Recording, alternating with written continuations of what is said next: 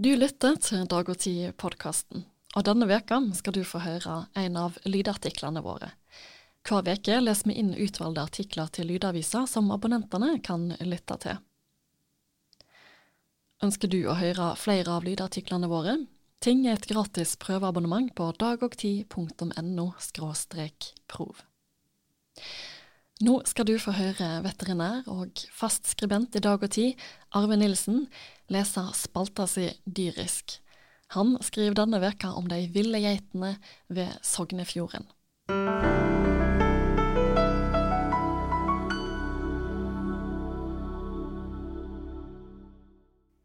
Dette er spalta Dyrisk i Dag og Tid, der jeg, veterinær Arve Nilsen, skriver om dyreliv og veterinærspørsmål. Og det er jeg som leser geitene på kvist. Framtida til en flokk frittgående geiter ved Sognefjorden ble brått et tema på høyt politisk nivå. Striden kring geitene, som siden 1940-tallet har levd i liene i Kvist naturreservat i Balestrand i Sognefjorden, har engasjert bygdefolket. Lokalpolitikere har bedt landbruksminister Sandra Borch om å gripe inn, og de 50 geitene har fått mer enn 12 000 flokkmedlemmer på Facebook. Geitene er etterkommere av dyr som ble sluppet løs fra en av gårdene i området da de slutta å levere mjølk. Om sommeren har dyra det fritt og godt langt oppe i fjellsidene. Om vinteren søker de seg ned mot havet for å finne mat. I snøtunge vintrer har eierne lagt ut høy og hogd ned tre, slik at geitene kunne ete de næringsrike kvistene. Fra ei lita gruppe på ti geiter vokser flokken til nærmere 140 dyr. Fylkesveterinæren vedtok i 1994 at av omsyn til dyrevelferden skulle stammen ikke være større enn 30 dyr. Det samme mente Mattilsynet i 2005 etter ei synfaring av den lokale dyrevernnemnda. Genressurssenteret ved Norsk institutt for bioøkonomi, NIBIO, kritiserte disse vedtakene og mente det var en nedre kritisk grense på 100 hodyr før det ville bli for sterk innavl. Flokken har de fått leve videre helt til i fjor, da Mattilsynet og statsforvalteren var på ny synfaring. Denne gangen fant de bare kring 50 dyr, og de hevder at dette kan være prov på at stammen ikke er bærekraftig. Eieren hevder at han ikke har høve til å samle det inn og holde det som husdyr på gården, og Mattilsynet krever derfor at geitene blir avliva. Siden geitene er såpass folkeskye, er det ikke råd å hente det ned og sende det til et slakteri, så løsninga blir å sende ut et jaktlag. I grunngjevinga for vedtaket om skyting peker byråkratene på at dyra ikke er forsvarlig merkte, brudd på kravet til leskur med tre tette vegger, og faren for innavl. Det tilsynelatende store tapet av nyfødte kje blir òg sett som særlig alvorlig. Geiter er husdyr, og de er avla til å føde i februar, noe som er bra for mjølkeproduksjon, men ikke for å sikre velferd og overleving til kje som blir født i det fri, uten noe vern mot ørn eller andre rovdyr. Det virka ellers som de voksne dyra var i godt hold, de hadde fin pels, og i avføringsprøvene ble det ikke funnet spor av den frykta småfugelsjukdommen paratuberkulose. Det er ganske lett å kritisere dette vedtaket, noe som også er gjort i en rekke innlegg og kommentarer fra folk i området som har fulgt disse geitene i mange år, og som ser på det som en trivelig og nyttig del av lokalmiljøet. I moderne geiteavl i Norge blir det brukt mye avlsdyr av rasen fransk alpegeit, bl.a. for å bedre smaken på mjølka og gjøre mjølka bedre egnet til produksjon av hvit geitost. Utrydding av smittsomme sykdommer har også gjort innhogg i den norske avlspopulasjonen. Tallet på besetninger med mer reinrasa norsk geit er derfor minkende, og de ville geitene ved Sognefjorden er kanskje bærere av et genetisk mangfold som ellers forsvinner i det nasjonale avlsarbeidet. Dyra har lært seg å nytte terrenget gjennom hele året og kan finne gode og skjerma plasser for kjeinga. I andre flokker med ville geiter er det også observert at dyr som mister kjea tidlig på vinteren, kan pare seg en gang til og få nye kjea om sommeren.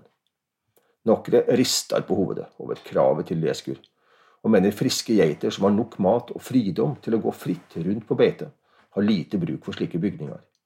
Har alle de husdyra som står mesteparten av tida inne i et fjøs, det noe bedre?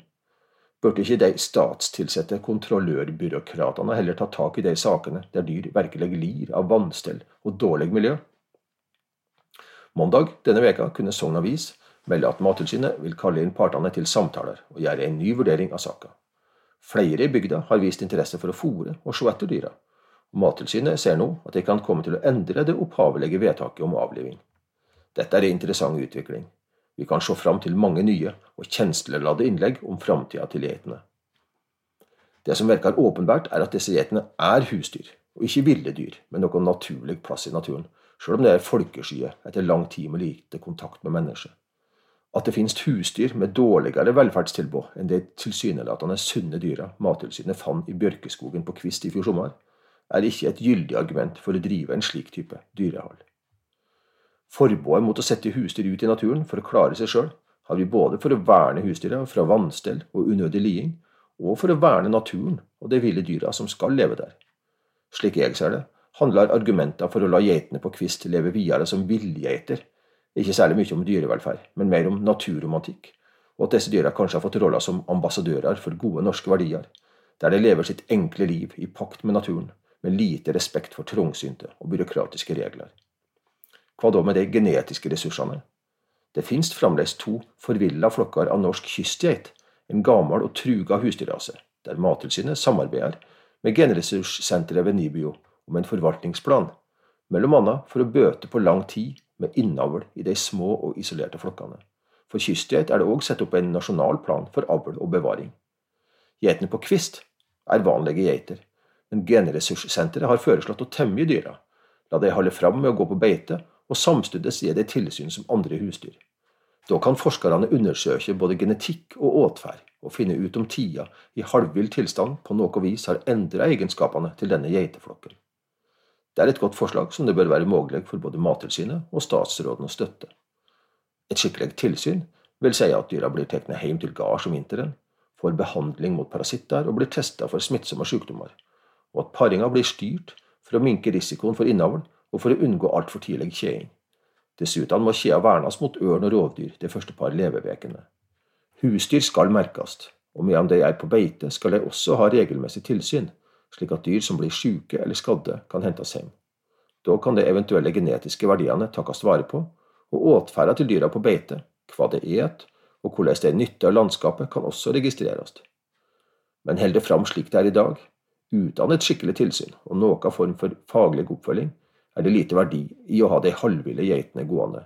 Da er avliving den eneste rette avgjørelsen.